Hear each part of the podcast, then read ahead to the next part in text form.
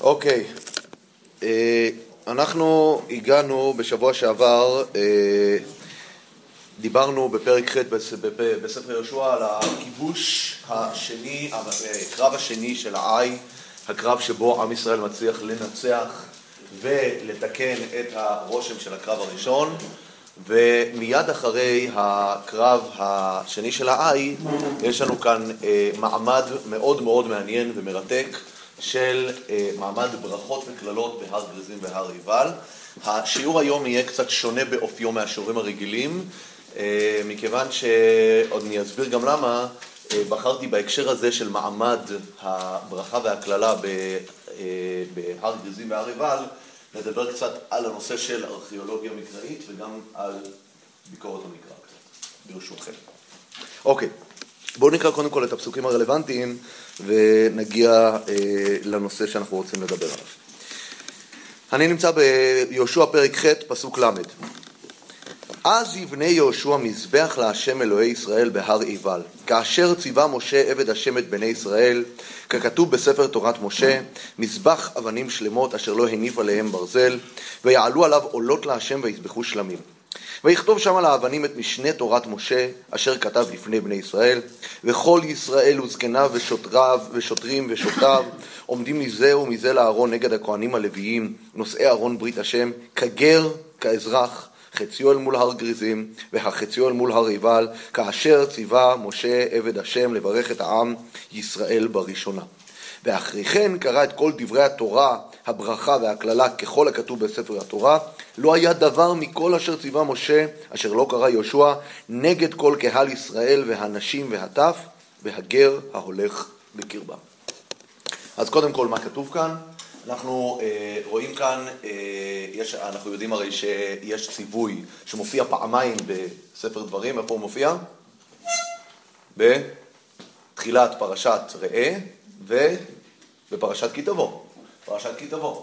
ראה נתתי לפניך, יש שם את כל התיאור אה, של אה, ציווי של משה רבנו, כאשר עם ישראל נכנס לארץ, הוא צריך לקיים מעמד של ברית, של ברכות וקללות. בין, זה מעמד של ברית בין הקדוש ברוך הוא לעם ישראל, זה כביכול כריתת ברית עם הכניסה לארץ. לוקחים אבנים, האבנים האלה יש להם את כל דיני המזבח, שזה אבנים שאסור לסטט אותם, לא אבני גזית, מה זה אבני גזית? אבני גזית זה אבנים שגזזו אותם, אלא אבני, ההפך מאבני גזית, אתם יודעים מה זה? זה אבני גביל. גביל, אבני גביל הכוונה היא אבנים טבעיות. ומקיימים את המעמד הזה, חצי של העם נמצא בצד אחד, חצי בצד השני. כל הפירוט המלא כמובן נמצא, יש לנו בפרשת אה, כי תבוא, אילו שבטים עומדים שמה, אילו שבטים עומדים בצד השני. כל הטקס הזה נעשה בדיוק כמו שמשה ציווה. האבנים האלה שדים אותם בסיד וכותבים עליהם את התורה, ונותנים שם, יש שם מעמד של... שיהושע מסביר את התורה. יש כאן כמה נקודות מאוד מאוד אה, אה, בעייתיות שדורשות הסבר בקטע הספציפי הזה. הבעיה הראשונה היא בעיה ממש טכנית, אבל היא בעיה מהותית. איפה נמצאת, איפה נמצאת שכם? איפה נמצאת שכם? שכם נמצאת צפונית, מאוד צפונית לאיפה שהם נמצאים. עם ישראל נמצא בשלב הזה בעי. ואנחנו יודעים שהדבר הבא שעם ישראל הולך לכבוש זה את אזור ירושלים. הרי עם ישראל, כמו שאמרנו, התוכנית האסטרטגית שלו בכיבוש הארץ זה לכבוש רצועה שמתחילה מיריחו לתוך הארץ, לחלק את הארץ לשניים. הרצועה הזאת היא מתחילה ביריחו, ממשיכה בעי, בבית אל, ומגיעה עד לירושלים, וגבעון, גבעון מקיפים, מקיפה את ירושלים, ערי הגבעונים. איך פתאום באמצע קופצים, כ... אני יכול להניח כמה, מאה, אני חושב לפחות מאה קילומטר. לא? כמה? 80? כמה? מהגלגל? מהגלגל, מהגלגל, מהעי 50 קילומטר. הנקודה, 50 קילומטר, אני סומך עליך, אני לא יודע, אני לא גיאוגרף. מה? לעי אז אתה אומר שיכול להיות זה 50 קילומטר. אוקיי, עכשיו, השאלה היא מה מביא את עם ישראל פתאום בדרך בין העי לבין ההמשך הטבעי, שזה ירושלים, פתאום לקפוץ צפונה לשכם. זה בכלל לא המסלול הטבעי אה, של האנשים שנמצאים שם. הבעיה הזאת היא, זה בעיה שכבר חז"ל עומדים עליה. וחז"ל מציעים אה, שתי אופציות להסביר איפה מתקיים המעמד הזה. אופציה א' אומרת שהמעמד הזה מתקיים במקומו, בהר גריזים והר עיבל, ואז מסבירים שעם ישראל נסעו בנס, חז"ל אגב כותבים 120 מיל. 120 מיל הרבה יותר מ-150 קילומטר, לכן אני ככה נתתי מספר גבוה. נסעו בלילה אחד, ככה כותבים חז"ל, היה שם נס, הגיעו להר גריזים והר וחזרו למקומו. זה אופציה אחת. אופציה שנייה, וזה נראה לי רבי מאיר אומר את זה, לא. מה שהם עשו, הר גריזים והר הם לא נקודות ציון גיאוגרפיות, אומר, אומר הטענה הזה. זה דבר מדהים. הוא אומר, בוחרים שני ערים אקראיים, אומרים, אתה נקרא גריזים, אתה נקרא עיבל, ועושים את הטקס שמה, ועושים את מעמד הברכות והקללות על שני הרים שהחליטו באותו רגע לתת להם את השמות האלה, גריזים ועיבל. שזה סתם, זה דבר uh, מפליל לכשעצמו השיטה הזאת. שגריזים ועיבל הם שמות מושאלים, הם לא שמות אה, של נקודות ציון גיאוגרפיות, וכל הר כזה או אחר שעם ישראל היה רוצה. הגמרא אגב גם מדגישה, כאילו, זה נראה כאילו קצת מזלזלת אפילו בזה. זאת אומרת, שתי, שתי גבשושיות היו שם, גבשושיות. זה אפילו לא הר. וכאלה, גבשושית זה כשנמצאים לחוף הים עם הילדים ואוספים ככה כמה אבות, זה גבשושית. שתי גבשושיות, לאחד קראו גריזים ולאחד קראו איבר. ככה כתוב שם. אבל זה בעיה, זו בעיה אמיתית באמת, איפה שכם נמצאת על הדרך שבין אה, העי ובית אל לירושלים. איפה זה נכנס כל הנושא הזה. עכשיו, הסיפור הזה של מעמד אה, הגריזי, מעמד, מעמד הקללות שיש בהר גריזים והר עיבל, הוא מזמן לפתחנו אה, סוגיה מאוד עקרונית בכלל בלימוד תנ"ך, שמתמודדים איתה אה, אנשים שנמצאים באקדמיה, מתמודדים איתה הרבה. שני, הנושא של ביקורת המקרא, אם נתחיל קצת, ניתן איזושהי הקדמה קצרה להסביר על מה יושב הסיפור הזה של ביקורת המקרא, אז יושב, יש שתי מחלקות נפרדות של הסיפור של, של ביקורת המקרא. יש מחלקה אחת שנקראת תורת התעודות. תורת התעודות, עוד שנייה נפרט מה זה, זה מדבר על ניתוח לשוני. ניתוח לשוני של הטקסט המקראי, ולנסות לתארך את הדברים, מתי הם נכתבו, כל מיני סתירות פנים מקראיות שעומדים עליהם, וכל מיני תיאוריות בהתאם לדברים האלה, אבל זה ממש נטו קשור לטקסט. ויש את הסיפור השני, שזה הסיפור הארכיאולוגי.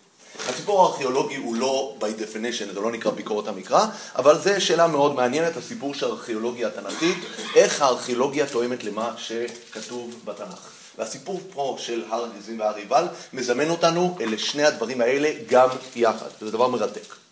הסיפור, אם נתחיל בסיפור היותר אה, קל ופשוט, זה הסיפור הארכיאולוגי.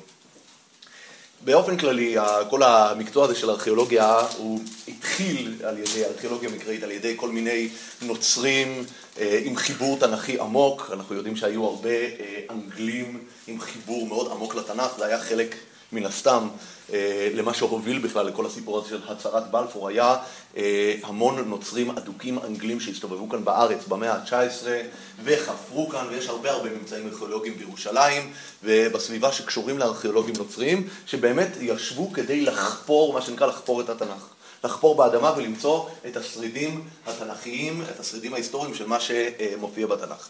הארכיאולוגיה הזאת היא מן הסתם ארכיאולוגיה מאוד מגמתית, זאת אומרת מסמנים את המטרה מראש, מה אני רוצה למצוא, וכל דבר שאתה מוצא אתה מיד אה, משייך אותו למה שאתה יודע. וכמובן, כמו שאנחנו מכירים בכל התהליכים המדעיים, במאה ה-20, אה, מאמצע המאה ה-20 ואילך, אה, קמה אסכולה כנגד שמחפשת יותר את הארכיאולוגיה היותר אובייקטיבית, מה שנקרא. זאת אומרת, לא לנסות כל הזמן להסתכל בספר ולחפור, אלא תחפור, תמצא את מה שאתה רואה, תדון אותו לגופו, ואחר כך תבדוק אם הוא מסתדר לך עם מה שמופיע בספר או לא. אגב, האסכולות האלה נקראות היום בשפה, בשפה המדעית, האסכולה, יש את האסכולה המינימליסטית והאסכולה המקסימליסטית. המקסימליסטית זה האסכולה שדיברתי עליה, האסכולה שבאמת לוקחת את החיבור בין הספר, בין הטקסט לבין הממצאים בשטח לצד קיצוני אחד, והאסכולה המינימליסטית לא מסתכלת בכלל על הטקסט, מסתכלת רק על הממצאים אה, של השטח. אחת מהסוגיות הגדולות ביותר פה בארץ, שבה היה ממש אה, אה, אה, פולמוס ענק מסביב לנושא הזה, היה על הנושא של המזבח בהר עיבל. ואני הבאתי פה צילומים מרתקים בנושא הזה, ואני אתן לכם כמה עובדות מרתקות בנושא הזה. יש כאן, אם תסתכלו, יש צילום, יש ארכיאולוג שנקרא אדם זרטל, מה? לא אדם ברוך. אדם זרטל, שהוא אה, ארכיאולוג מאוניברסיטת חיפה, הוא אדם מבוגר, הוא עדיין חי, אה, שבשנות החמישים הוא חפר, הוא חפר את כל האזור של הר המנשה, ובאזור של הר גזים והר ריבל שאנחנו מכירים, הוא מצא מבנה של אבנים שנמצא בצורת מזבח. הוא מצא שם חותמות מצריות, שנקראות בשפה הארכיאולוגית, נקראות חרפושיות. חרפושיות זה חותמות אבן מצריות, שמתוארכות בדיוק לתקופה שבה נכנסים לארץ, שזה בערך... מתי? מישהו יודע? כמה זה לספירה? שלושת אלפים, זה מאה שלוש... אלף מאתיים, אלף שלוש מאות לפני הספירה, תקופת הכניסה לארץ מתוארך ממש לתקופה ההיא, והממצאים המדהימים שהוא רואה במזבח הזה, ואני אראה לכם כמה, זה תמונה אחת, אתם יכולים להעביר ביניכם, יש אה, עוד תמונה, זו אותה תמונה בעצם קצת יותר מרחוק, שאפשר גם להעביר, וכאן זו תמונה של השרטוט המשוער שעשו לפי השחזורים של מה שהם עשו, איך המזבח הזה נראה, וכל מי שיסתכל על השרטוט הזה יראה קודם כמה דברים מעניינים. קודם כל, אם אתם רואים למזבח הזה, יש כבש. יש כבש. למה, שמים, למה צריך כבש למזבח? אסור מעלות. למה אסור מעלות? זה, קראנו את זה בפרשת שבוע לפני שבועיים, ולא תעלה במעלות על מזבחי, אשר לא תהיה גילאי ערוותך עליו, צריך לעלות על כבש. עוד דבר שיש כאן במזבח הזה, דבר מדהים שגילו. האבנים הן לא אבנים מסוטטות, הן אבנים טבעיות, מה שנקרא, כמו שאמרנו, אבני גביל, לא אבני גזית, אבני גזית אסור להשתמש בהן במזבח. מצאו, אם תסתכלו טוב בשרטוט הזה, שעוד שנייה יעבור, המזבח הזה יש לו סוג של סובב, זאת אומרת שיש לו מדרגה באמצע המזבח, ששם מאוד, מאוד דומה למזבח של הזה, של המשכן ושל המקדש. אה, יש... אה, מה זה? מצאו שם הרבה מאוד עצמות גם. עצמות, מצאו עצמות, כל העצמות שמצאו לגבי המזבח היו של בהמות טהורות, מלבד יחמור. יחמור הוא בהמה טהורה, אבל לא מקריבים אותה, וגם על זה אה, עורר פולמוס. כמו שאתם יודעים, אתם יכולים גם להעביר את זה ביניכם לראות. וזה אה, באמת אה, סיפור אה, מרתק מאוד, הסיפור הזה של המזבח, אה, בהר, אה, המזבח בהר אה, עיבל. אה, אני אביא לכם, רק רשמתי לעצמי גם עוד כמה דברים שמצאו כאן. אה, המזבחות הכנעניים היו עגולים בדרך כלל, אנחנו רואים כאן מזבח מרובע, מזבח מרובע, כל המזבחות הכנעניים היו אה, עגולים. מה עוד? לא, פחות או יותר עמדנו על רוב הנושאים שקשורים כאן למזבח הזה, וזה דבר מרתק כשלעצמו. אחרי שאדם זרטל מוצא את המזבח הזה ואת כל הממצאים והוא מפרסם אותם, יש מהומת אלוקים באקדמיה. ובמיוחד באקדמיה בארץ. כל, כל התחום של ארכיאולוגיה מקראית, מטבע הדברים, המרכז שלו זה כאן בארץ, והאסכולות בדרך כלל מתחלקות בין האוניברסיטה העברית לאוניברסיטת תל אביב. ובאוניברסיטת תל אביב, כמו שאנחנו יכולים לתאר לעצמנו, המאבק בין ירושלים לתל אביב, כמובן, שם יש את האסכולה המינימליסטית שאומרת לא דובים ולא יער, אתה כל הזמן מסתכל על הספר ומסתכל על האדמה, ואתה לא תעזוב את הספר ותסתכל על האדמה לבד, ואם היית מסתכל על הממצאים לבד בלי לדעת מה כתוב בספר יהושע, לא היית בחיים מגיע לממצאים כאלה הזויים.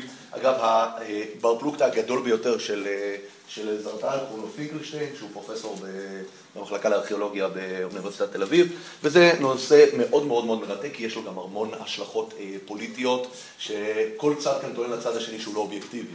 כי הצד הירושלמי טוען לצד התל אביבי, אתם רוצים למחוק עדויות מוקדמות לנוכחות עברית אה, בארץ. אה, אתם אה, מעדיפים, אה, אתם רוצים מה שנקרא לקעקע את האחיזה המוקדמת שלנו כאן באדמה, ומצד שני האסכולה המינימליסטית שנתפסת יותר ירושלמית, יותר ציונית, ודאי הם טוענים להם שהם רוצים להמציא כל מיני מושגים. באופן כללי אגב, זה צריך לדעת על ארכיאולוגיה. ארכיאולוגיה, כמו רוב המדעים, יש איזה דבר מאוד מאוד מעניין. הרבה פעמים שומעים טענות בארכיאולוגיה, לא מצאנו עדויות ל... לדוגמה, אחד מהדברים שמדברים על זה בחצי האי סיני, לא מצאנו עדויות לשבט נוודים עברי שהסתובב שם. עכשיו, לא מצאנו, אנחנו יודעים, בהלכה גם כתוב, לא ראינו אינה ראייה. אין ראייה כזאת, לא ראינו. אבל ארכיאולוגיה באיזשהו מקום אומרת, מה שאני לא ראיתי לא קיים, וזה בערך לכשעצמו דבר שמוטל מאוד אה, בספק, כי לא כל דבר יכול להשאיר סימנים, לא בטוח שמסעות כאלה במדבר יכולים להשאיר סימנים, במיוחד אנשים שלא עובדים אדמה, אנשים שלא, אין להם מה שנקרא אחיזה, אחיזה בקרקע, הם לא צריכים לא אדמה, לא, אה, אה, מה שנקרא, לא צאן, לא שום דבר. אה, מדובר כאן על, באמת על אנשים שחיים באיזה סוג של בועה בתוך המדבר. אם נכניס את הסיפור של עמוד ענן בכלל, אה, אבל אני לא רוצה להציע לך להעלות בשיחה עם ארכיאולוג את הסיפור של עמוד ענן. הסיפור. לא מומלץ, לא לבעלי לב חלש. אוקיי. גם הסיפור של המן, כאילו. זה- סיפור של המן, נכון, כל הדברים שאין האלה, כל הדברים האלה. אוכל. נכון, בהחלט, בהחלט. עכשיו, מה, שמע, מה שמעניין פה, ופה אה, אני נכנס לסיפור שדיברנו כאן על אה, שכם.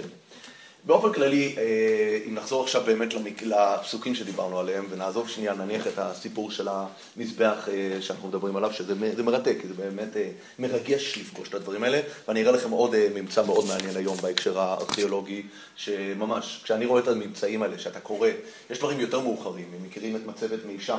מצבת מישה יש שם ממש כתובת של מלך מואב שמתאר את הכיבושים שלו מול, אה, מול עומרי, מול בית עומרי, מול אחאב. אתה רואה פשוט, אה, מה שהתנ"ך אומר אחד לאחד, כתוב שמה בכתובות של, אה, של מישה, מלך מואב. זה, דברים, דברים מרתקים. יש, יש, יש המון המון חומרים אגב, גם באשור וגם במצרים. על הנושא של מצרים עוד נדבר היום, אני מקווה. אוקיי. אה, אם אני רוצה לחזור לסיפור של עם ישראל שהולך לעשות את המעמד הזה בשכם, אז כמו שציינו, יש כאן בעיה, קודם כל בעיה גיאוגרפית. איך עם ישראל במהלך ההתקדמות שלו בין העי ובית אל לירושלים, פתאום קופץ אה, צפונה אה, לשכם. שאלה נוספת זה באמת מה המשמעות של המעמד הזה.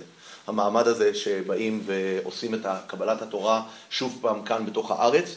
יש, ואני מניח שאפשר לתת לזה המון משמעויות, דיברנו על זה שכשעם ישראל נכנס לארץ, הוא מקבל את התורה תחת מי הירדן. תיארנו שם את המדרש של חז"ל, שזה ממש כאות חזרה גנרלית על הקפה עליהם הר גיגיגית, יהושע החזיק את הירדן, אהרון החזיק את הירדן, ואמר להם אם אתם מקבלים את התורה מוטב, ואם לא, המים יורדים עליכם. אז אפשר להגיד שיש כאן באמת עוד איזשהו מעמד של קבלת אה, התורה בתוך הארץ, אבל אה, הייתי רוצה להציע כאן אה, איזושהי תיאוריה מאוד מאוד מעניינת שמתחברת לסיפור הרבה הרבה הרבה יותר רחב מאשר הסיפור הספציפי פה של מעמד אה, של שכם. אה, ברשותכם, בואו אה, נבדוק עוד דבר מעניין. בפרק י"א ביהושע יש את הרשימה של כל הכיבושים שיש.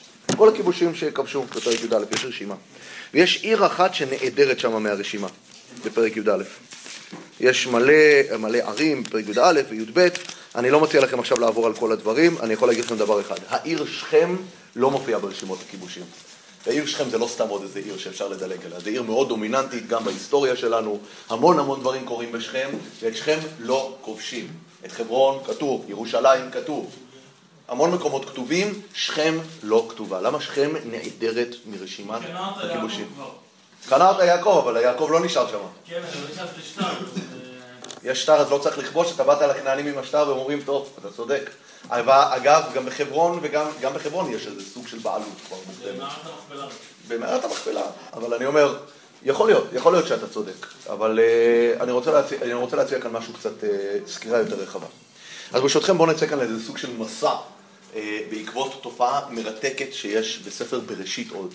Uh, בהקשר של העם העברי הקדום, בואו נקרא להם ככה, העם העברי הקדום שמתהווה ומתפתח פה בארץ ישראל.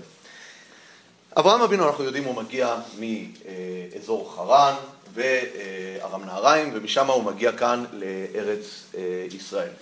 וכאן אנחנו יודעים שהוא מתחיל אה, לנסוע כאן בכל מיני מסעות, ואחד הדברים המעניינים שכבר עומד עליו הרמב"ן, אה, זה המושג של מעשה אבות סימן לבנים. זאת אומרת שהמסעות של אברהם אבינו כאשר הוא מגיע כאן לארץ, הם מסמנים את הכיבושים שיהיו אחר כך לבני בניו ובני בניו כאשר הם כובשים את הארץ.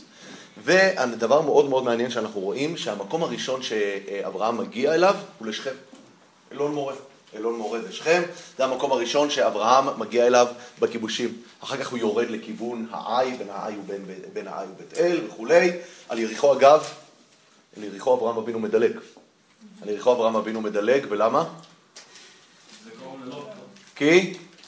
לא, אבל אברהם, הרמב"ן אמר מעשה אבות סימן לבנים. מה שאברהם אבינו עושה זה כביכול יוצר את העתיד עבור הבנים שלו. כי זה לא הבנים. כי זה לא הבנים, אלא מי? הקדוש ברוך הוא. הקדוש ברוך הוא. כובש את יריחו. כאן אברהם לא צריך, הרי צריך ל- ל- להכיר בזה, זה אגב הנושא לשיעור הבא, אני כבר אה, נותן לכם ספוילר.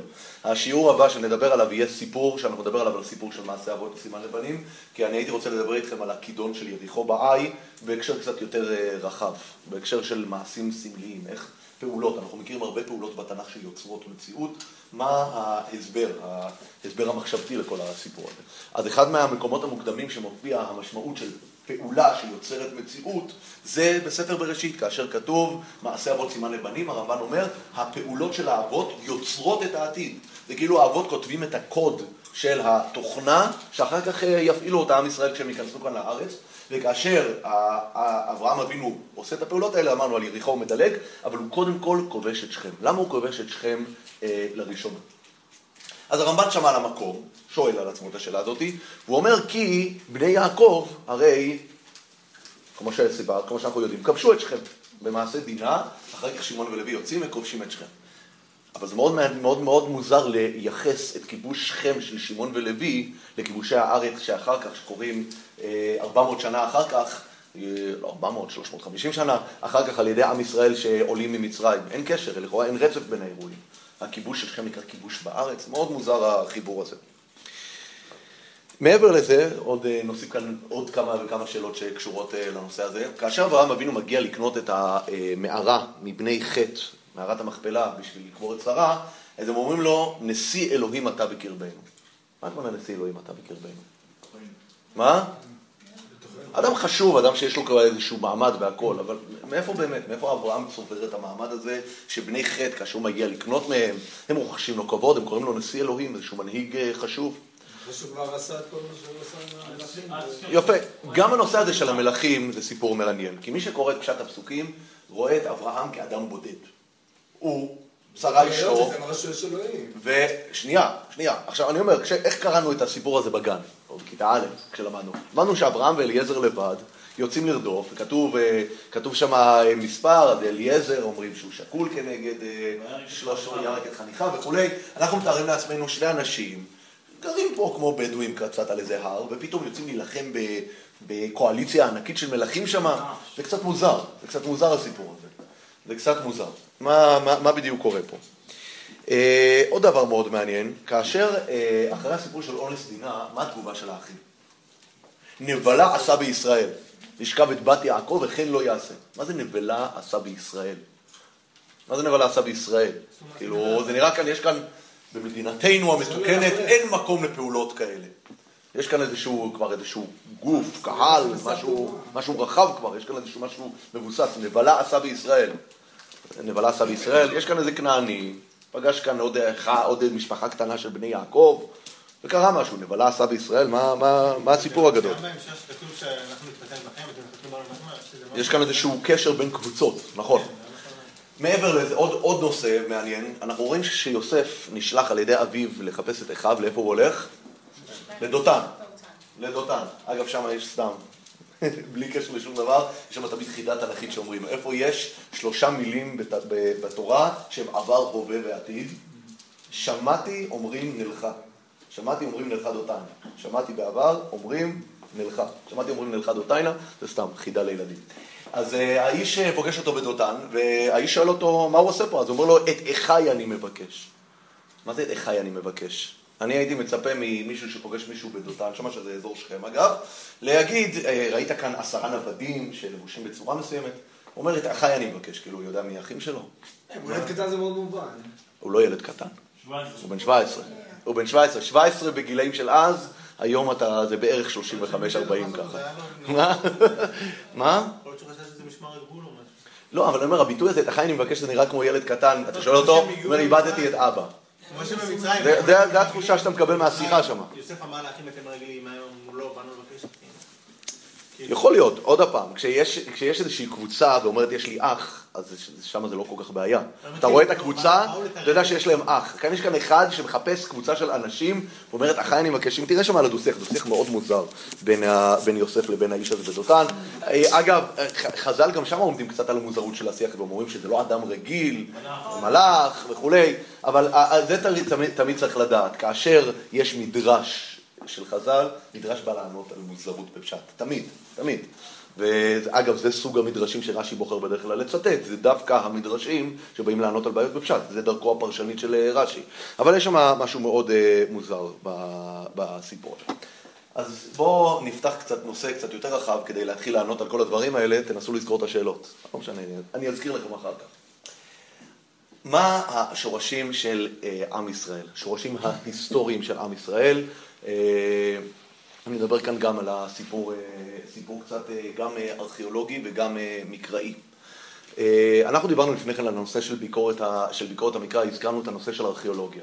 מעבר לסיפור הארכיאולוגי יש נושא של טקסט. יש נושא של טקסט, יש אה, במאה ה-19, היה חוקר גרמני בשם ולהאוזן, שהוא אה, פיתח את כל הסיפור הזה של ביקורת המקרא, שמה שהוא עשה, הוא לקח את כל הטקסטים המקראיים, במיוחד אם נדבר על חמישה חומשי תורה, והוא עבר על הניסוחים ועל הדגשים הספציפיים, על נושאים בולטים שעולים במקומות מסוימים, והוא ניסה לתארך אותם לתקופות אה, נפרדות.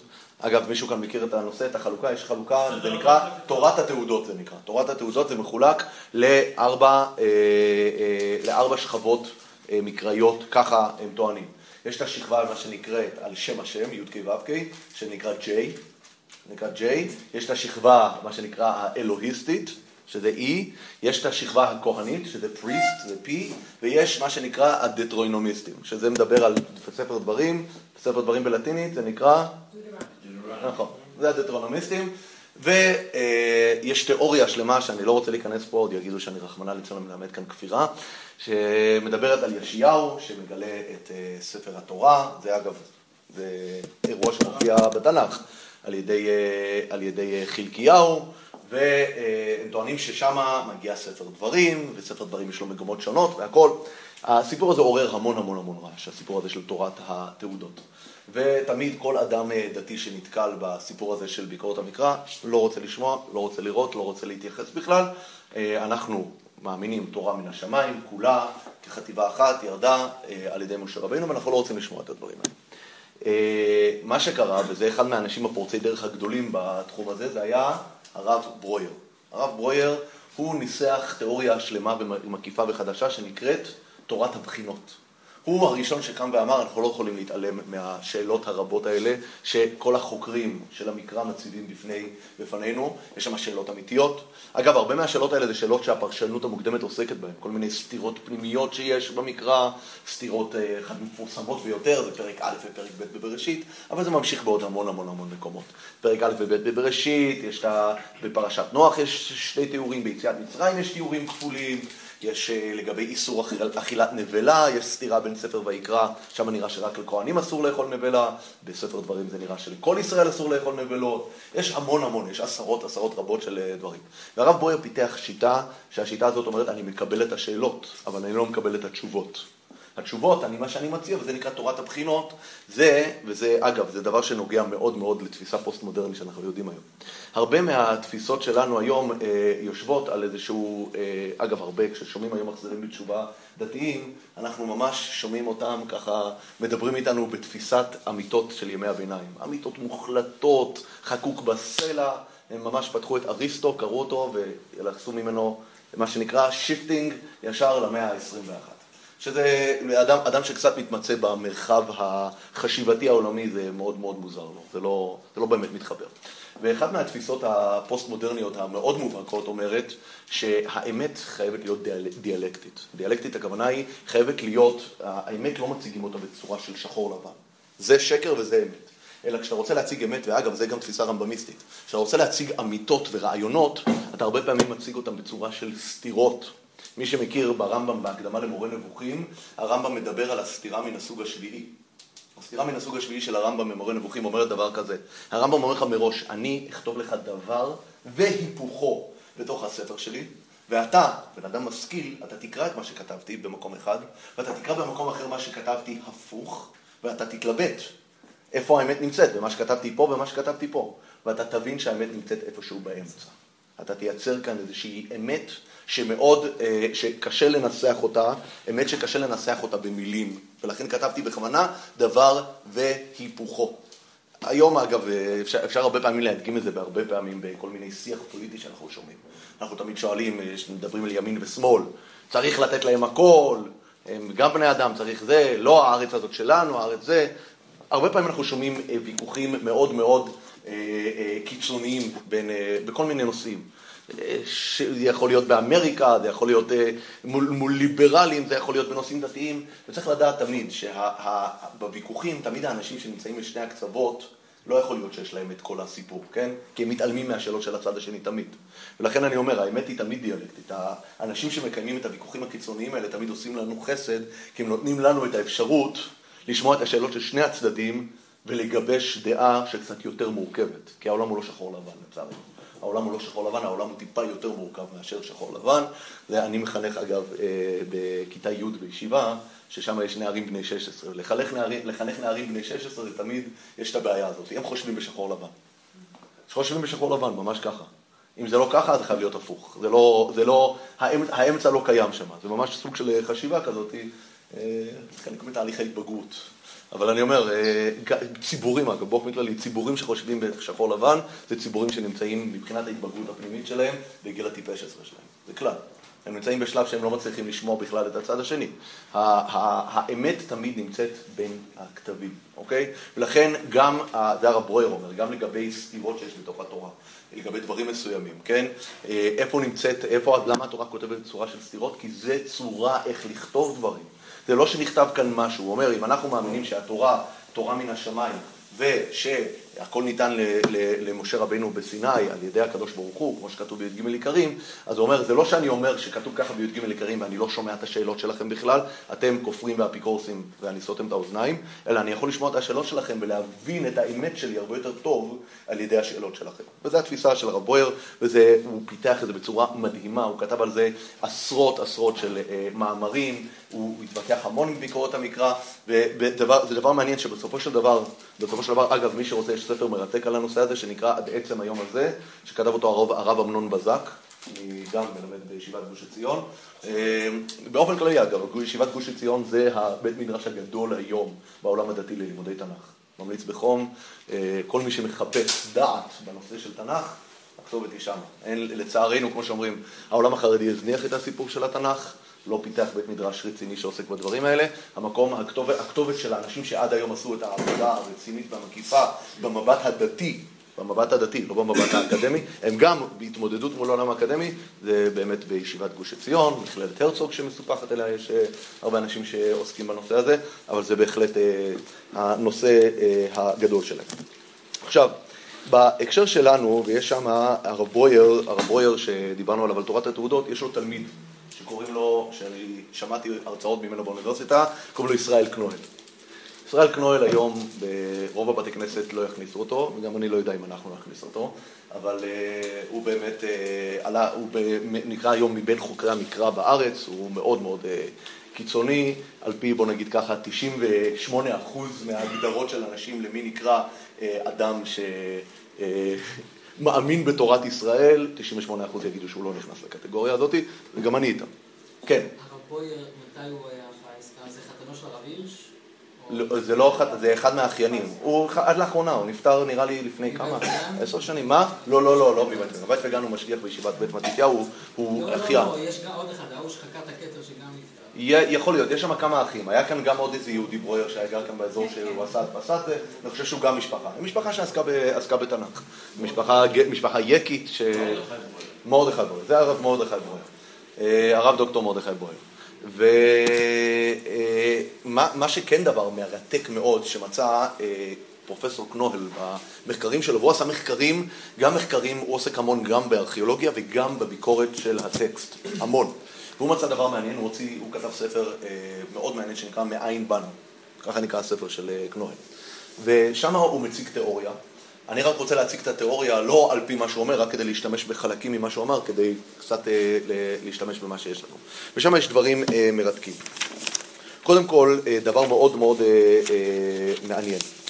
אה, הוא מדבר על אה, שלוש קבוצות שהן הקבוצות שמעצבות את החברה הישראלית, העברית, שקמה כאן בארץ בתקופה של, אנחנו מדברים עליה פה בספר, בתקופה של יהושע בן נון ואילך. הוא מדבר על קבוצות שעל פי אה, חפירות ארכיאולוגיות מורכבות מקבוצות שהגיעו ממצרים, על קבוצות שהגיעו מחרן, מאור, מארם נהריים, ועל אה, קבוצות כנעניות מקומיות שהיו כאן באזור, שבאיזשהו מקום איזשהו תמהיל של שלושת הקבוצות האלה, שביחד, אה, אה, מה שנקרא, התערבבו, הם יצרו את עם ישראל המוקדם, אוקיי? והוא הוא סליחה, הוא טוען שהסיפורים של אברהם אבינו מגיעים מהקבוצה של האנשים שהגיעו מחרן, הקבוצה של הסיפור של יציאת מצרים מגיע מהקבוצה של האנשים שהגיעו אה, ממצרים, ויש עוד אה, קבוצה שלישית שהם נקראת, ועליהם נדבר היום, זה הקבוצה שנקראת, אני אכתוב את זה. הם נקראים ככה. חפירו. אבל אנחנו אומרים חפירו, היום אנחנו רואים את זה בשפה שלנו, החטא נשמעת ככה, אבל זה לא חפירו, זה חפירו. למה? וזה על פי רוב החוקרים. עפירו צריך לקרוא את זה ככה. עבירו. עבירו זה הכוונה עברי. עברי. היה קבוצה שנקראת העברים. העברים. אנחנו מדברים כאן על שלוש קבוצות. יש קבוצה מצרית, קבוצה עברית וקבוצה, בואו נקרא להם הקבוצה הבבלית. עכשיו, הקבוצה הזאת של העבריים, מוצאים עליה דברים מאוד מאוד מאוד מעניינים. אמרנה? מה? בתל, ויפה. בתל אל עמרנה מצאו המון המון כתובות שמדברים על העברים ואני רוצה להגיד לכם משהו שממש נוגע אלינו ואני הבאתי אפילו צילום של הדבר הזה לא שאפשר להבין ממנו משהו אבל ככה נראה מכתב ששולח מלך ירושלים והוא כותב לפרעה, שולח לפרעה, אנחנו צריכים להכיר, להבין, אגב, בכל התקופה שאנחנו מדברים עליה, האימפריה הגדולה בעולם היא מצרים. לאורך כל הדרך מצרים היא האימפריה הגדולה עד ימי אה, אשור ובבל, ששם הארץ ישראל נמצאת בתווך בין מצרים לבין המעצמות הצפוניות. אבל מצרים היא המעצמה, ומלך אה, ירושלים שולח אה, מכתב, הוא קוראים לו עבדיך בה. ככה נקרא בתקופה ההיא, בתקופה של כיבוש, כיבוש ירושלים על ידי עם ישראל שמגיע מהמדבר, והוא כותב ככה, וזה כתוב כאן, וכאן יש הדגשה שאף אחד לא יבין כאן את הכתב, שכתוב בירושלים, פה בדבר הזה מהמאה ה-13 לפני הספירה. וככה כתוב, ראה, ארץ גזר, ארץ אשקלון ולכיש, נותנים לעבירו מזון, שמן ואת כל מחסורם, לכן ידאגנה המלך, הוא מדבר עם המלך המצרי, ידאגנה המלך לצבא הסדיר, וישלחנה צבא סדיר נגד האנשים הפושעים במלך, אדוני. אם יהיה עוד בשנה הזאת צבא סדיר, יישארו הארצות ומושלי הערים נאמנים למלך אדוני. מדבר על המלך המצרי, שארץ כנען, אגב, וזה גם מופיע בכל החפירות, ארץ כנען עד התקופה שהעבריים משתלטים כאן על הארץ, היא סוג של ארץ חסות של מצרים. ארץ חסות של מצרים, כאשר היא מורדת יש אה, מסעות כיבוש, יש מסע כיבוש מפורסם של המלך שישק שעולה כאן אה, לארץ ישראל כדי לכבוש אותה. ארץ ישראל היא אה, בת חסות של מצרים. וכאשר העברים מגיעים כאן וכובשים את המקום הזה, אז מלך ירושלים, עבדיך בה קוראים לו, אנחנו לא יודעים כאן מתוך הכתובים כל כך, יש כאן שמות אחרים, אבל צריך לדעת, אגב, דבר מעניין, הרבה מהשמות של המלכים שמופיעים בתנ"ך זה לא השמות האמיתיים, כמו פרעה. פרעה לא, זה, זה שם של תואר, זה כמו אבימלך מלך פלישתים, פרעה, יבין מלך חצור, זה שמות שחוזרים על עצמם, לכל המלכים מקבלים את, ה, את השם הזה, זה שם מלכותי מה שנקרא. אז עבדיך בה זה השם שכתוב כאן, ואז הוא אומר, יישארו הארצות ומושלי הערים נאמנים למלך אדוני, אולם אם אין צבא סדיר, למלך לא יהיו הארצות ומושלי הערים. ראה, את ארץ ירושלים זו, לא אבי ולא אמי נתנו לי אותה. וכאן הוא ממשיך, נותן כאן איזושהי אגדה, איך הוא קיבל את ירושלים לידיו. אבל הוא ממש מתאר איך העברים באים לכבוש ממנו את ירושלים. אין כאן כל כך נראה לי מה להעביר את זה, כי לא נראה לי שמישהו יבין משהו, אבל... העברים הכוונה ליוצאי מצרים. העבר... או, עכשיו, מה זה הסיפור הזה של העברים, ועל זה אני רוצה לדבר פה, מה זה הסיפור הזה של העברים, ולנסות כאן לתרץ את כל השאלות שדיברנו עליהן קודם. אה, הסיפור הזה שמביא, אה, ואני הבאתי אותו כאן בקווים מאוד כלליים, של פרופסור קנואל, על הקבוצות העבריות שמרכיבות את אה, עם ישראל, לא בהכרח יש בינו סתירה לבין מה שכתוב אצלנו במקרא. לא בהכרח יש בו סתירה. אגב, מאוד מאוד אה, מעניין, אם כבר דיברנו על זה, אה, לדבר על זה ש... יש, העברים האלה מתוארים גם בכתובות מצריות, שכתוב שהם סחבו אבנים למקדש רעמסס. ככה כתוב. העברים סוחבים אבנים למקדש רעמסס. ככה זה כתוב, מי שרוצה לראות, פפירוס ליידן 348, מי שמעוניין לחפור, זה בשמחה. אה, יש גם, אה, כמו שאמרתי, במכתבים בתל אל עמרנה שאתה דיברת עליהם, ויש, הקבוצה המצרית שעולה כאן לארץ נקראת היקסוס, ככה היא נקראת, חיקסוס, היקסוס, ככה היא נקראת, זה המצרים, חיקסוס. שהם, אני לא יודע מה הפירוש של השם הזה, אבל זה שם ב... אה, בעברית. אגב, דבר מאוד מעניין שמצאתי, שאחד מהכתובות האנטישמיות הראשונות שנמצא, נמצאת, זה כבר נמצאת במאה ה-13 לפני הספירה, מאה ה-14 אפילו לפני הספירה, שכתוב שם על האבירו האלה שהם פושעים, גנבים ורוצחים, אז אם מחפשים את האנטישמיות המוקדמת ביותר, אפשר למצוא אותה כבר בארכיאולוגיה, אוקיי? עכשיו, הקבוצות אה, האלה, כמו שמתאר פרופסור כנעול, מתגבשות כאן בארץ בתקופה של כיבוש יהושע ואילך. וכאן יש דבר מאוד מאוד מעניין, שיכול לתרץ לנו הרבה מהשאלות שדיברנו עליהן קודם, על הסיפור של שכם, גם למה עלו עכשיו לשכם, גם מה העניין של המעמד הזה, וגם מה המשמעות והמעמד של עם ישראל שנמצא פה. איך שהרמב"ם מתאר בתחילת הלכות עבודה זרה, כאשר אברהם אבינו מגיע אה, לארץ, הוא מגיע בתור מהפכן אמוני. הרמב"ם מתאר שמה, שאני אה, חוזר הרבה פעמים לרמב"ם הזה, כי זה אחד מהמקומות היחידים שהרמב"ם מקדיש פרק שלם במשנה תורה להיסטוריה יהודית. נותן היסטוריה ולא היסטוריה, זה קצת, אה, וזה קצת היסטוריה פילוסופית גם של, ה, של העם היהודי, מאיפה נבנית האמונה היהודית. והוא מתאר שם את אברהם אבינו בניגוד לאגדות שאברהם אבינו בגיל שלוש גילה את הקדוש ברוך הוא, הרמב"ם כותב שאברהם בגיל ארבעים, ועד גיל ארבעים הוא עובד עבודה זרה והוא עובד עמהם. שזה אגב משמעות חדשה למתחילה עובדי עבודה זרה היו אבותינו, כשאתם אומרים בהגדה. מתחילה עובדי עבודה זרה היו אבותינו זה לא טרח, זה אברהם אבינו. אז זה גם יכול להיות יותר מזה, זה יכול להיות עם ישראל במצרים שאנחנו יודעים שהם עבדו עבודה זרה. אבל אברהם אבינו בעצמו, כתוב ברמב"ם, הוא עובד עמהם. הם עומדים על הרב הוא עובד, ואברהם יוצא למסע חיפוש פילוסופי, עד שאברהם אבינו מגיע לתובנות המונותאיסטיות של האמונה באל אחד. וכאשר אברהם מגיע לתובנות האלה, כתוב ברמב"ם, הוא לא הולך ישר לארץ ישראל. הוא מתחיל להסתובב בעולם, מעיר לעיר ומדינה למדינה, ולהודיע לאנשים, הוא מהפכן. אברהם אבינו יוצא מגדרו כדי לשנות את העולם. ובשלב הזה הוא מתחיל, מתקבצים אליו אנשים, ומתקבצים אליו הרבה אנשים, והם הם נקראים בית אברהם, הם נקראים מה שנקרא, כתוב במקרא, והנלווים עליו וכולי. יש כאן קבוצה מאוד גדולה ומשמעותית של אנשים שהם מאמינים באל אחד. ואגב, בהרבה כתובות מהאזור, מהאזור גם מחרן וגם מאזור מדיין, מצאו אה, אנשים שנקראים אנשי, ככה. מה זה, מה זה הדבר הזה? אנחנו לא יודעים, אבל ההי האחרונה היא ה' דקדוקית. היא ה' דקדוקית. זה י"ק ו"ק הדבר הזה. אנשי י"ק ו"ק, כן? י"ק ו"ק זה אמונה בכל אחד, כן? זה כמו שאנחנו יודעים, אגב, בהרבה מהשמות שאנחנו מכירים, אליה, אליהו, כן? אליהו, אני לא יודע בדיוק מה הקריאה האמיתית של הדבר הזה, אבל השם, החלק הזה מתייחס הרי לשם השם, נכון? לי"ק ו"ק. כי בשם השם, בלי הניקוד שלו, הרי האות האחרונה, האות האחרונה זה סיילנט, זה, לא שומעים את ההא האחרונה, י' ו' זה המרכיב של השורש של השם הזה, ויש, ומוצאים גם באזור אה, אה, אה, ארם נהריים וגם באזור מדיין וגם בתוך הארץ, כתובות של אנשים שמדברים עליהם על אנשי י' כ', ככה הם נקראים, אוקיי? וזה קבוצה של אנשים שמסתובבת ומכירה את השם. כל האנשים האלה, מה קורה איתם? לאן הם נעלמים? וכאן קורה דבר מאוד מאוד מעניין, שבשלב מסוים נבחרת המשפחה של אברהם אבינו להיות כמשפחה שמובילה את המהלך. והמשפחה הזאת שמובילה את המהלך בסופו של דבר מייצרת היסטוריה עצמאית מהקבוצה הזאת שנקראת קבוצת העברים. כל הקבוצה הזאת של העברים, של האנשים האלה שמאמינים באל אחד, שבאו מעבר הנהר, יש הרבה פירושים מה זה עברים. או שכל העולם מצד אחד והם מהעבר הצד, מהצד השני, כן? זה, אגב, אתם יודעים, סתם בהקשר אחר, מה הכוזרי אומר, מה הפירוש אברהם העברי? הוא אומר שהסבא שלו הרי קראו לו עבר. הוא היה בישיבת שם ועבר, זה הפירוש אברהם העברי. הוא לא, הוא לא היה תלמיד של תרח, הוא היה תלמיד של הסבא. שעבר כן היה צדיק, ככה הכוזרי מפרש את המונח, אברהם העברי. אבל לא משנה, אנחנו כאן מדברים על העברי לא בהקשר הפרטי של אברהם, מדברים באמת על קבוצה של אנשים שנקראים העברים. וכאן נוצר איזשהו פיצול, פיצול נוצר, נוצר פיצול. האנשים האלה מתרכזים אחרי שאנחנו מדברים על זה שאברהם אבינו קוראים לו נשיא אלוהים אתה בתוכנו, כן, הוא מנהיג של קבוצה, קבוצה דומיננטית, זה לא רק משפחת אברהם הקטנה, אברהם, שרה, אליעזר ועוד כמה משרתים, זה קבוצה ענקית, כמו שכן למדנו, אברהם מקרב את, את, את האנשים ושרה מקרבת את הנשים, מתפתחת קבוצה מאוד מאוד גדולה. ולכן כשהוא נקרא נשיא אלוהים יש כאן קבוצה.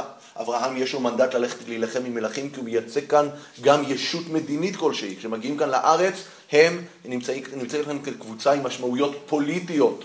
כאשר דינה נאנסת, האחים אומרים, נבלה נעשתה בישראל. מה זה בישראל? בקבוצה, יש כאן קבוצה, יש כאן קבוצה שיש לה כבר משמעות פוליטית מדינית, אוקיי? ואגב, שזה דבר מאוד מעניין, לבדוק את הנושא הזה, אני רק זורק את זה כאן כרעיון, שיכול להיות שההתגלות ההיא של הקדוש ברוך הוא ליעקב אבינו, שבה הקדוש ברוך הוא אומר לו, לא יקרא שמך עוד יעקב, כי מישראל, כי שרית עם אנשים ותוכל, בשלב הזה באמת נוצר איזושהי הגדרה, וזה גם הרמב"ם כותב, שבני יעקב הם שונים מכל השאר. מתייחדים. קבוצה, בתוך קבוצת העברים יש את האליטה. יש את ה... נקרא להם קבוצת העילית, שזה משפחת יעקב אה, ובניו. ואחרי זה כשהם נמצאים שם באזור שכם, ביחד אה, עם כל האנשים, שכם, הם כובשים אותה, הם כובשים אותה לראשונה, ושמה, וכאן אני אומר את זה ברמה של תיאוריה. ברמה של תיאוריה, שאני רוצה לבסס אותה על סמך השאלות ששאלנו, שמה העברים מתבססים ונשארים שמה כל העברים שלא קשורים בדווקא למשפחת אה, יעקב אה, והשבטים. וכאשר יעקב והשבטים מתפתח איתם הסיפור האישי עם יוסף, אגב, אני גם מתרץ, מה זה כשיעקב, אה, יוסף פוגש את הבן אדם בדותן ואומר לו את אחיי אני מבקש? כולם יודעים מי זה אחי יוסף. אחי יוסף זה המשפחה השלטת של, אה, של, אה, של קבוצת העברים הזאת. זו משפחה מוכרת על ידי כולם. וכאשר מתפתח כאן הסיפור הפרטי של המשפחה, שזה הסיפור של יוסף, כאן נוצר פיצול. משפחת יעקב זה המשפחה של העברים שעוזבים אותם ויורדים למצרים, והם נזכרים אחר כך בכתובות כאלה שבונים את רעמסס, האנשי, אנשי, אנשי מה שנקרא חיקסוס, היקסוס, שהם בונים להם במצרים, ויש כאן בעצם פיצול שיהיה פיצול להרבה הרבה שנים, כאשר נשארים בארץ כל האנשים שמאמינים באל אחד, שאברהם אבינו ושרה קירבו אותם, הם נשארים שם באזור שכם כקבוצה, ומשפחת יעקב ואברהם יורדת למצרים ומתפתחת שמה, והיא שם לגוי גדול עצום אנחנו ורב. חוזרים להרוג אותם. מה? אנחנו חוזרים להרוג אותם. לא הרגו אותם, לא כבשו אותם, זה מה שהוא בסופו של. דבר הם נכנסים לאותו קטגוריה של... לא הבנתי, לא הבנתי. מי? העברים שנשארו מאחורה? כן. לא, לא. העברים שנשארו מאחורה, הם מאמינים באל אחד, הם שומרים שבע מצוות בני נוח, אין מה להרוג אותם, אה, במיוחד הרמב"ם, הרמב"ם כותב לא כלל. מה? הפסוק לא מחלק אותם? אתה שומר הם אמרו לי לראות את המפגש... לא, לפי הרמב"ם, לפי הרמב"ם, שנייה אחת אני אענה לו. לפי הרמב"ם סתם כלל, שצריך לדעת, כלל נקוד בידך, אנחנו נדבר על זה בסיפור של הגבעונים. כל עם ועם מהכנענים, אם הם מקבל על עצמו שבע מצוות בני נוח, לא צריך להרוג אותו בסדר, בכלל. אבל למה זה לא מוגדר בפסוק? לא יודע, זו שאלה טובה, לכן אני אמרתי מראש. אני לא אומר לך עכשיו שמה שאני אמרתי זה אחד לאחד אמת, אני אומר לך תיאוריה. תיאוריה שיכולה לתרץ הרבה דברים, והיא מאוד מסתברת, במיוחד שאני מחבר את התיאוריה הזאת לנתונים ארכיאולוגיים. לכן אני מאוד אוהב את התיאוריה הזאת, כי היא גם מתיישבת עם הדברים. כאשר יושבים אנשים ומדברים על התגבשות של קבוצה שנמצאת כאן בארץ, קבוצה שמגיעה ממצרים, קבוצה שמגיעה מארם נהריים, אני מסביר לך איך הכל נמצא כאן בכתובים. מארם נהריים מגיעה הקבוצה הראשונה שבאמת מגבשת את כל המהלך הזה, זה אברהם אבינו ובני משפחתו שמגיעים מאזור ארם נהריים. הם מגיעים כאן לארץ ויש כאן קבוצה בארץ שנשארת בארץ, העברים האלה. וזו הסיבה, אגב, שאברהם אבינו, וכאן אני מתחיל לתרץ כבר את השאלות, אברהם אבינו כובש את שכם לראשונה. שכם היא הארץ הראשונה שנכבשת על ידי, העיר הראשונה שנכבשת על ידי העברים ונשארת בשליטתם. יש רצף של שליטה בין שכם לבין כיבושי יהושע אחר כך, כי הם נשארים שם. הם נשארים כקבוצה מקומית בארץ של העברים. כל האלה שירדו למצרים, הם לא היו העברים, זה היה משפחת יעקב. משפחת יעקב לבד ירדה, השאירה מאחורה את כל האנשים, בניהם ובני בנותיהם וכל הנלווים עליהם, שאברהם אבינו ושרה ויצחק וכולי, האנשים האלה שריכזו אותם כקבוצה שמה. וממילא כאשר חוזרים כאן לארץ, וזה הממצאים הארכיאולוגיים מביאים, שיש כאן בארץ עדויות לארכיאולוגיה, מה שנקרא עם שורשים מקומיים, שורשים מבבל ושורשים ממצרים. זה בדיוק הסיפור שלנו. זה הסיפור שלנו. ככה אנחנו התהווינו. אבל מה שמעניין, וזה מה שקורה פה, אגב, סליחה, עוד דבר שרציתי להוסיף, אם נפתח את המלחמה הראשונה של שאול בפלישתים, אנחנו נראה שיש שם נזכרת קבוצה מעניינת, שפתאום היא מפתיעה אותנו מאוד. נראה בשמואל א', פרק י"ג.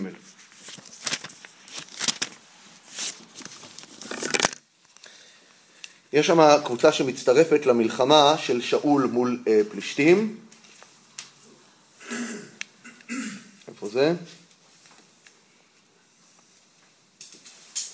הנה, תראו בפרק, אה, פרק, סליחה, פרק י"ד, פסוק כ"א. והעברים היו לפלישתים כאתמול, שליש, כאתמול שלשום אשר עלו עמם במחנה סביב, וגם הם עליות עם ישראל אשר עם שאול ויונתן. אנחנו מדברים כאן 400 שנה קדימה מאיפה שאנחנו נמצאים היום. שאול, במלחמה הראשונה שלו עם פלישתים בתחילת המלוכה, מתאר כאן קבוצה שנקראת עברים, והקבוצה הזאת, הוא אומר, יש להם איזשהו קשר עם פלישתים, הם בהתחלה הולכים עם הפלישתים כנגד ישראל, אחר כך הם מצטרפים לעם ישראל, אם תראו שם בהמשך הפרק. יש שם, קבוצה של עברים, מי זה העבריים האלה? אנחנו יודעים שעם ישראל הם העבריים. התשובה היא שהקבוצה הזאת של העבריים ממשיכה להתקיים כאן בתוך עם ישראל, קבוצה של אנשים שאינם יהודים, שמאמינים באל אחד, שהם קבוצה אתנית נפרדת מעם ישראל. עכשיו בואו נשים לב פה במקדש שיש לנו פה. עבד עברי. מה? עבד עברי. עבד עברי? לא, עוד פעם. עם ישראל מאמץ את השם עברי. אנחנו נקראים עבריים. כאשר, כאשר יונה מגיע, יונה מגיע למלאכים, הוא אומר, עברי, עברי, שאני עברי. כאשר יוסף מגיע למצרים, גונב גונבתי מארץ העברים, שם הוא מתייחס לעברים האלה. יש לנו עברים. יונה, יונה בן אמיתי זה עמוק בתוך בית אה, ראשון והוא נקרא עברי. זה עדיין אחד מהשמות שלנו. הרבה מהשמות שלנו הם שמות של תרכובת של? המקורות. למה כולם. מה? מילא לפני מתן תורה אפשר להבין למה שם נשאר. לא, השם הזה כמעט ולא קיים. השם הזה צריך לדעת, הוא כמעט כמעט ולא קיים. זה באמת שם שנעלם כמעט. השם הזה יותר בולט בתקופות ההתחלתיות של של המקרא. מה? תקופה של מצרים של הדברים האלה שמדברים עליה. כשיוסף מגיע, הוא אומר גנוב גונבתי מארץ העברים. אגב, שימו לב, לא הדגשנו את זה. איך ארץ כנען נקראת ארץ העברים? יש שם כבר חבל ארץ שנקרא ארץ העברים. ארץ העברים, שימו לב, לא שמתי לב לזה. יוסף אומר גונבתי מארץ העברים, כשהוא מדבר עם המצרים, הם יודעים על מה הוא מדבר. יש ארץ שנקראת ארץ העברים. זה שטח, כמו שאני אומר, יש בו שלטון, יש בו ריבונות, יש פוליטיקה עברית כבר. אנחנו, הכל קיים כבר בשלב הזה, אוקיי? אבל מה שאני אומר, זה בשלב הזה הסיפור מתפצל. נהיה סיפור העברים נשארים מאחורה, בשכם. יעקב ובניו, 70 נפש יורדים למצרים ומפתחים את הסיפור של משפחת יעקב, ואיפה המפגש קורה? המפגש קורה פה. המפגש קורה פה בשכם. פה בשכם עכשיו, כאשר אנחנו קוראים את המעמד הזה של הר גריזים והר עיבל, מגיע המפגש הזה ומה המטרה של המפגש הזה. תשימו לב, אני רוצה לקרוא לכם כאן מתוך הפסוק הזה, זה תיאוריה לדעתי יפה מאוד, בואו תשימו לב. אני אוהב להחמיא לעצמי, אבל, אה, אבל אני אומר, בואו בוא, אני אקרא לכם עכשיו ותראו כמה דברים שמאוד מעניינים. למי יהושע אומר את זה? קודם כל הוא צריך לקרוא את כל התורה כולה, בשביל מה? יש כאן, נשארו קבוצה מאחורה, שיש להם רק שבע מצוות בני נוח. הם יודעים יהדות מזן אחד, יהדות של תקופת האבות. נוחתים עליהם קבוצה של אנשים שעזבו אותם כמה מאות שנים קודם, חוזרים אליהם, הם גם מאמינים באל אחד, והם כבר קיבלו את התורה בדרך, ויש להם 613. זה לא שבע, יש להם 613, יש להם את משה רבינו מאחוריהם כבר, זה לא רק אברהם אבינו. אברהם, זה אברהם אבינו פלוס משה. אני בכוונה אומר את זה ככה אגב, כי הם שני הדמויות הדומיננטיות שמעצבות את היהדות כמו שאנחנו מכירים אותה, זה אברהם ומשה. ככה אגב גם הרמב"ם באותו פרק בעבודה זרה, בהלכות עבודה זרה שמתאר את ההיסטוריה של ההתהוות של עם ישראל, זה ההיסטוריה שבין אברהם למשה. ככה הוא מתאר את זה, זה תקופת ההתהוות, אוקיי? ועכשיו הוא פוגש אותם, ותשימו לב, הוא צריך לכתוב על האבנים את כל התורה, הוא צריך לכתוב אותה ב-70 לשון, הוא צריך שהם יבינו, לא בטוח שיש להם את אותה שפה. הוא צריך לח- לחזור על כל התורה כולה, ושימו לב מי נמצא שם. בכל, אני קורא בפרק שלנו, פרק ח' פסוק ל"ג. וכל ישראל וזקניו ושוטרים ושופטיו עומדים מזה ומזה לאהרון כנגד אהרון. רגע, רגע, לא, לא, לא, לא בחרתי את הפסוק הנכון, סליחה. אה, אני רוצה להראות לכם את הגרים שנמצאים פה, כתוב כאן. הנה, לא היה, פסוק ל"ה, לא היה דבר מכל אשר ציווה משה אשר לא קרא יהושע נגד כל קהל ישראל, ואנשים והטף, והגר ההולך בקרבם. מאיפה הופיע הגר הזה פתאום? הגר ההולך בקרבם. פתאום. הוא נזכר גם קודם, אני לא יודע למה אני לא מוצא את זה עכשיו, באותו קטע פה. מה? הגר ההולך, הגר ההולך בתוכם. הנה, אה, אה, כתוב בפסוק ל"ג, אני הפסקתי באמצע, עוד פעם אני אקרא. וכל ישראל וזקניו ושוטרים ושופטיו עומדים מזה ומזה לארון נגד הכהנים הלוויים, נושאי ארון ברית השם, כגר כאזרח, חציו מול הר גריזים וחציו מול הר עיבל. מה זה כגר גר כאזרח? ישראלים. מה? איזה גר? מאיפה יש כאן כבר גרים? עם ישראל נמצא כאן בארץ כמה זמן? חודש. הם גרים. גר זה מי שלא לא מקומי. אז מי זה האזרח? אז מי זה האזרח? אני אומר, יש כאן שיקוף כגר כאזרח. והוא צריך לדעת, יכול להיות, יכול להיות שאתה צודק, שהאזרח, הכוונה מי שגר והגר זה עם ישראל. אני לא יודע, זו שאלה מעניינת. זאת אומרת, כשאתה מדבר על עם ישראל בתוכו, אתה קורא להם גרים? לא יודע. יכול להיות, יכול להיות, יכול להיות, יכול להיות. אבל אני אומר, המעמד הזה הוא מעמד של האיחוד שיש כאן, שרוצים בעצם לספח אותם. הם האחים האבודים, ונפגשים איתם, והם רוצים אה, לספח אותם. והשאלה זה אם זה הצליח או לא, התשובה היא שאנחנו רואים זה אחר כך בסיפור של שאול שאנחנו רואים. העברים נשארו כקבוצה עצמאית, שאני לא יודע מה קרה להם בשלב מסוים, או שהם נעלמו, או שהם חלקם כן הסתבכו, אבל הם נשארים שם באזור שכם, הר גריזים והר עיבל, ובמלחמה הזאת של שאול, באמת כמו שראינו, הם די תקועים. בשלב הראשון הם עם פלישתים, אחר כך הם עם ישראל, כי הם כן נשארים כאן כאיזה סוג של קבוצה עצמאית. מה זה? אני לא יודע. אני לא יודע, אני לא, אין, לי, אין לי שום נתונים להגיד לך מה קורה לעברים אחרי המעמד הזה. אני כן יכול להגיד לך מה המטרה של המעמד הזה. המטרה של המעמד הזה הוא חיבוק חם ואוהב וסיפוח של ה, מה שנקרא, של האחים האבודים אה, שהשאירו מאחורה, שהשאירו מאחורה. יש כאן את הקבוצה שנשארה מאחורה, לעומת הקבוצה של משפחת יעקב שיורדת למצרים ומתפתחת, וזו סתם שאלה שיכולה להטריד כל אחד. אני, אני זה, מאוד התפלאתי על זה. אנחנו מדברים על כל האנשים האלה שאברהם החזיר אותם בתשובה, מה קרה להם? לאיפה הם נעלמו? תשובה, הם נשארו שם בצד, הם נשארו ליד. הם נשארו ליד. נתן אותם לאחד שעשה פיוס. איפה? אני לא יודע. אוקיי. כמה קבוצות האלה שלוש? שלוש קבוצות בעצם. אחד מבבל, זה ודאי, זה לא התחלה, אברהם מגיע כאן לארץ כבר עם, עם קבוצה מסוימת. לא, הוא נולד שם. אברהם עד גיל 75 נמצא באור כסדים. הוא עובר בדרך והוא מלקט, הוא מפתח כאן קבוצה מסוימת. כשמגיעים לארץ הם מגיעים כקבוצה. הקבוצה הזאת היא מגיעה. עוד פעם, עכשיו חשוב להדגיש על השאלה שלך. מקורות ארכיאולוגיים, אף אחד לא יכול להגיד לך, בשנת 1946 היה כאן שלוש קבוצות. יש כאן מקורות ארכיאולוגיים מאותו תקופה, סדר גודל של 100 שנה, שאנחנו רואים כאן קבוצות אה, אה, אה, שונות, כן? שאנחנו רואים כל מיני מוטיבים שונים, אוקיי? אז אני אומר, הקבוצה הזאת שאנחנו מדברים עליה, עם ישראל שלנו מגיע באמת, יונק ממוטיבים שונים. יש את המוטיבים הכנעניים, יש את המוטיבים המצריים, ויש את המוטיבים הבבליים, אין ספק. אנחנו קבוצה מעוצבת מכל שלושת הדברים האלה גם יחד. אנחנו גדלים בתוך כנען, יש לנו כאן אנשים שנשארו בכנען מאות שנים כקבוצה עברית. יש לנו קבוצה של מצריים, ואנחנו כולנו בכלל מגיעים, מה שנקרא בשורשים שלנו, אה, מבבל. זה אה, פחות או יותר המערך של הקבוצות. אוקיי, סיימנו.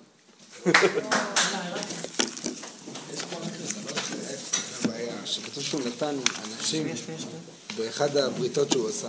נתן אנשים, וזה נותן קיבל. עונש. וזה הוא קיבל עונש לא, מתורה. קח את הכסף, את הרכוש, אה, אה, קח את ה... הוא אומר למלך סדום, קח את כל- קח את כל הנפש, וכתוב שם שיש עליו תביעה, ולכן ירדו בני בניו והשתברו במצרים, שהוא לא הכניס אותם תחת כנפי השכינה. זו תביעה למה הוא לא הכניס אותם תחת כנפי השכינה. זה לא מה שהוא נתן? למה